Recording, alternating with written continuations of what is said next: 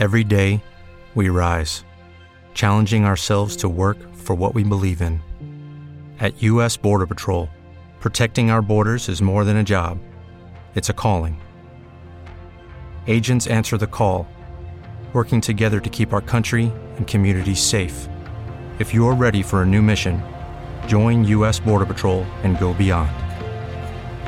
Learn more at cbp.gov/careers. Nesta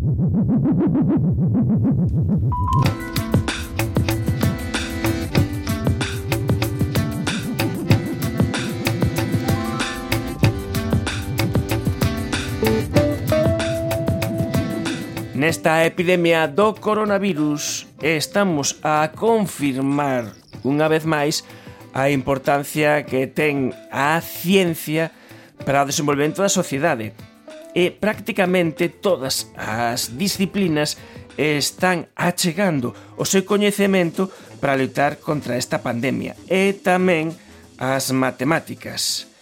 Anxo Sánchez, moi boas noites. Boas noites, Manuel. Anxo Sánchez é catedrático de Matemática Aplicada no Grupo Interdisciplinar de Sistemas Complexos da Universidade Carlos III. As matemáticas tamén desenvolven un papel moi importante a hora de comprender como se comporta esta epidemia.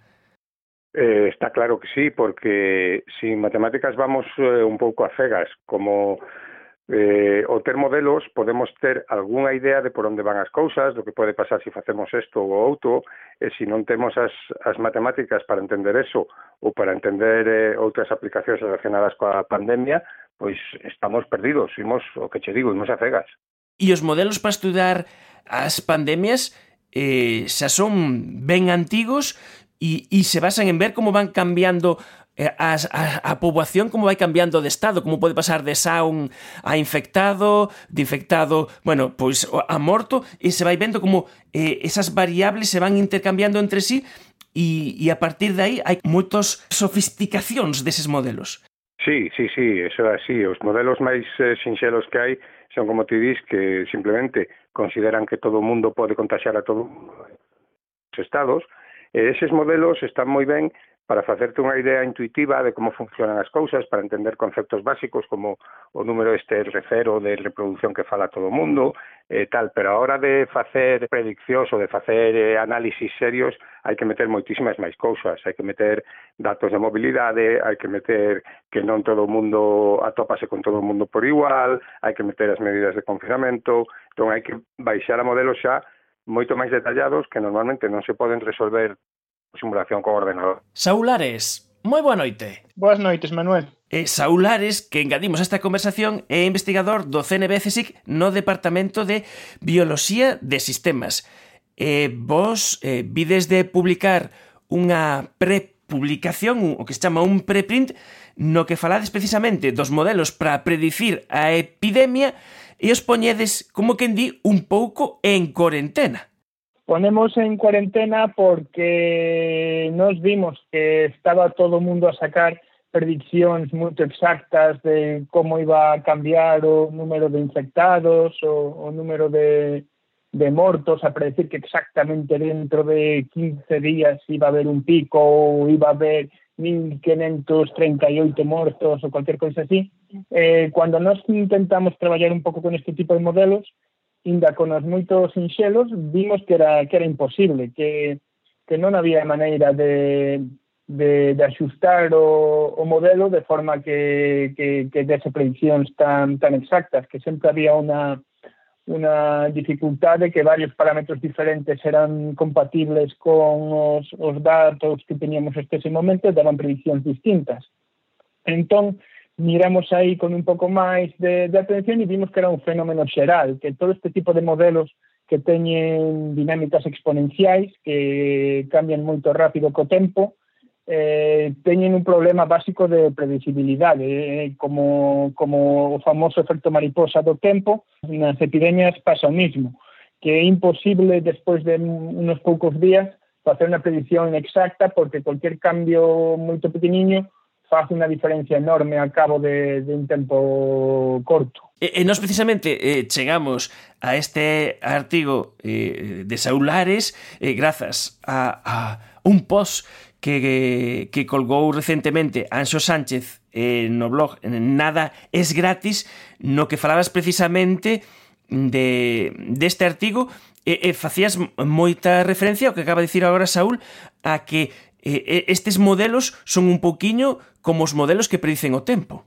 Sí, efectivamente. Aquí o que pasa é que o máis mínimo erro que teñas nos datos, e todos sabemos a calidade dos datos que, que hai, que cada día cambian e que aparecen eh, contaxados e mortos e de todo, pois o máis mínimo erro que teñas dos datos propagase moi rápido. Entón, falar do que vai pasar máis a de dous ou tres días non ten sentido. Eu estaba a ver moitos colegas meus físicos e matemáticos eh, sacando preprints, publicando datos moi precisos e predicións moi precisas, e a min aquelo non me tiña nada de sentido. Entón foi cando vin o, o traballo de Saúl e de colaboradores e por eso publiquei un pouco ese post tamén para chamar a atención de que non pode ser que andemos facendo miles de modelos todos, que isto ten que ten que haber algunha organización. Digamos que estamos nun momento de ciencia no que eh, hai esa explosión no que todos queremos achegar cousas e por eso, por exemplo, neste caso de modelos hai esta explosión de modelos. Pois eu diríache que sí, que en parte é por eso, en parte é o propio sistema de ciencia. A xente ve unha oportunidade de, de facerse famoso, de dar o pelotazo. Pois aí vai o meu modelo e predigo así de ben e se acerto, pois voume voume poñer en primeira fila. E non sei o que pensará eh, Saúl Destro, pero creo que isto ten moito que ver coa, coa forma de, de evaluar a xente con, con esa ansia por publicar e por sacar eses resultados en vez de pararse un pouco a pensar e coordinar esforzos. Eu, eu concordo con Anxo. Eh, este tipo de modelos que se usan en epidemias hai algunos históricos que son moito sinxelos. Eh, eu usaba como exemplo para os meus estudantes de, de enxeñería de primeiro e segundo curso. Son, son tan sinxelos que eles poden entender. Eh, entón, é unha tentación moito grande para investigadores inda que nunca teñan eh, feito nada de epidemioloxía, escribir tres ou cuatro ecuacións, meter no ordenador, simular e ver que sai. E saen coisas que, se non se sabe máis, parecen ter sentido. Entón, en todo o mundo comenzou a sacar estas prediccións, a publicar, eh, o facto é que para facer as coisas ben non é tan simples, hai que facer un análisis moito máis complexo, xa sexa como, como falaba antes Anxo, eh, metendo máis variables e eh, máis información do mundo real, ou xa sexa facendo un análisis probabilístico máis máis elaborado dos, dos modelos sinxelos, non simplemente pintando unha curva e eh, soltando a, a predicción de un como se si fose unha bola de cristal. Porque o que contades tamén no, no vosso artigo é que as partes que realmente eh, eh, será máis incerteza eh, é predicir cando é o, o chamado eh, pico da pandemia e tamén que pasa cando se vai extinguir co, coas colas que nos, nas outras fases da, da pandemia as tendencias son moi claras, incluso case calquera vendo como vai, pode ver como predicir a poucos días como vai, pero eses dous eh, momentos claves eh, da curva, aí a, a incerteza eh, é, é, é tal que, que, que os modelos poden dar casi calquera cousa. Sí, vou, vou voltar o exemplo do, de predecir o tempo. Si, si tú me preguntas que tempo va a facer mañá, Eh, eu podo decir, vai facer o mesmo tempo que hoxe e vou, fa, vou acertar dois de, de cada tres veces. Eh, e se o tempo está máis ou menos estable, vou, vou acertar eh, casi sempre. Mas cando o tempo está moito inestable, cando ven unha borrasca ou vai terminar, é cando máis difícil é acertar que vai pasar o, o día seguinte. Que a epidemia pasa exactamente o mesmo. Cando está a crecer de, de xeito, de xeito desmesurado, eh, é cando é inestable. Entón, é aí cando é moito difícil saber se vai seguir crecendo, se vai parar, se vai chegar o pico, se non. Eh, cando está a terminar, que é un pouco a situación en que estamos agora, é un pouco mesmo, porque estamos a falar dos famosos rebrotes, por exemplo, pero ninguén se está atrevendo a predecir se si va haber un rebrote, cando, cando vai ser o, o que va a pasar, porque estamos en un, en un momento en que o número de casos é pequeniño eh, a diferencia xa está en, en, en fluctuacións, en a mañá tres tipos eh, se saltan a cuarentena, fican infectados e despois van a unha terraza a tomar unha caña, infectan a tez máis e unha cosa puntual como esa pode facer que todo explote de nuevo e iso non se pode predecir. Outra cosa tamén que compre ter en conta é, inda que nos vexamos modelos que parece ser que, que, que se axustan, se mm, hai unha gran unha infinidade de modelos, sempre vai haber alguén algún modelo que se axuste, pero eso non quere dicir que se poida sacar información dese modelo porque eh, a idea eh, ao, ao final eh, os modelos para que os queremos.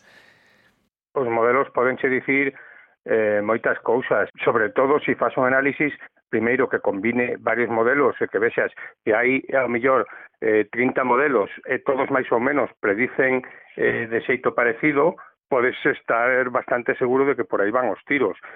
O exemplo do tempo sirve unha vez máis. O panel internacional contra o cambio climático ten 8, 10, 20 modelos. Un di que vai subir a temperatura 2 grados, outro que 2,5 e outro que 3. Que concluímos dai? Que a temperatura vai subir seguro, porque todos os modelos din eso. Aquí, se si tuviéramos modelos que dixeran vai a haber un rebrote seguro eh, en 15, 20 ou 30 días, saberíamos seguro que vai haber. O problema é que aquí os modelos non están de acordo uns con outros. Sí, eh, os modelos, eh, a, a, até un modelo SOS ya está a darnos unha información que, que é útil. Non nos dá unha seguridade como unha predicción exacta, pero nos pode axudar a tomar decisións. Igual que falar que hai un 30% de posibilidade de chuva no domingo, nos axuda a tomar a decisión de se si vamos a sair de excursión ou non. E quizáis aquí a clave, eh, facendo tamén a comparación co tempo, é eh, que agora, cando temos as explicacións do tempo, eh, nos din esa porcentaxe de probabilidade de que ocorra ese tempo. E según a necesidade dos datos, lle damos maior ou menor valor, porque se nos para mañán o tempo nos di que hai un 50% de posibilidades de que eh, haxa choiva, o mellor, se queremos dar un paseo, non nos importa, pero se queremos facer supoñamos que estamos en tempos normais e queremos facer un evento público, pois o mellor, tendo a mesma porcentaxe, tomamos unha decisión diferente. Nesta clase de datos é importante coñecer o intervalo de confianza. Ah, así es, eh, todo tipo de prediccións da, deste tipo de problemas debese facer eh, dando a, a Ah, uh, cual é tamén a confianza que se ten na, na predicción, que é algo que se pode calcular, como de grande esa horquilla da que estamos a falar, porque eso nos axuda a saber canto podemos confiar na, na predicción, inda que sexa unha predicción probabilística. E despois está que estamos a falar de enfermedades, estamos a falar de, de vidas humanas. Entón, o principio de precaución nos di que o que deberíamos facer sempre é ponernos no, no caso peor. Temos esta horquilla de, de prediccións de que pode pasar, vamos a pensar no caso peor, porque é contra ese, contra o que temos que estar preparados. Con Anxo Sánchez temos falado en máis dunha ocasión en efervesciencia de teoría de xogos, de que pasa cando tomamos decisións e as nosas decisións, o resultado das nosas decisións está influído polas decisións que toman os demais. E de algún xeito nesta epidemia as decisións de cada un persoal condicionan os demais. Todos queremos que os outros eh, leven as máscaras porque así non nos contaxiamos, pero o mellor nós non as queremos levar. É un, unha variante do dilema do prisioneiro. Todos queremos que os demais se laven as mans, pero nós lavamos as mans cando chegamos a casa, pero non as lavamos cando saímos. Eh, estamos a interaccionar todo o día, Anxo. Pois sí, efectivamente. Ademais, é, é exactamente o que ti dis. É como un dilema do prisioneiro ou un problema deses que se chaman de bens públicos, que, que é igual. É, hai que o, vai no interese de todos facer todos porque non se propaga a enfermidade, pero claro, estou moito máis cómodo se non uso mascarilla, se vou onde me dé a gana, entón eh, aí o que ten que entrar a falta de normas sociais que nos impulsen a facer isto agora, porque en ese sentido eh, somos moi distintos de outros países. En, en, en Xapón, por exemplo, eh, a xente leva mascarilla no momento que se pon enfermo do enfermo do que sexa e eh, van polas rúa coas mascarillas e ninguén lle parece raro. Aquí non temos unha norma social admitida que nos faga eh, comportarnos dese xeito. Entón, iso é algo que se ten que construir. E mentras non se construe, pois é un problema. É un pouco tamén eh, notase na xente que ve aos que van sin mascarilla os mira mal, porque estamos no proceso de crear esa norma. E esa norma é o único xeito de derrotar ao problema do, do, do dilema do prisioneiro, claro. Pois eh, estivemos a conversar as diferentes achegas que hai desde o mundo das matemáticas para comprender este esta epidemia do coronavirus e a ver que as cousas a veces tampouco son tan simples como semellan. Tivemos outro lado do teléfono a Anso Sánchez, que é catedrático de Matemáticas de Sistemas Complexos na Universidade de Carlos III. Moi boas noites. Boas noites, Manuel. Encantado de falar contigo. E tamén pudemos conversar con Saulares, que é investigador do Centro Nacional de Biotecnoloxía CSIC. Moi boas noites, Saúl, e grazas por achegarnos eh, esta información tan valiosa para saber interpretar os modelos. Boas noites e moitas grazas a ti. Efervesciencia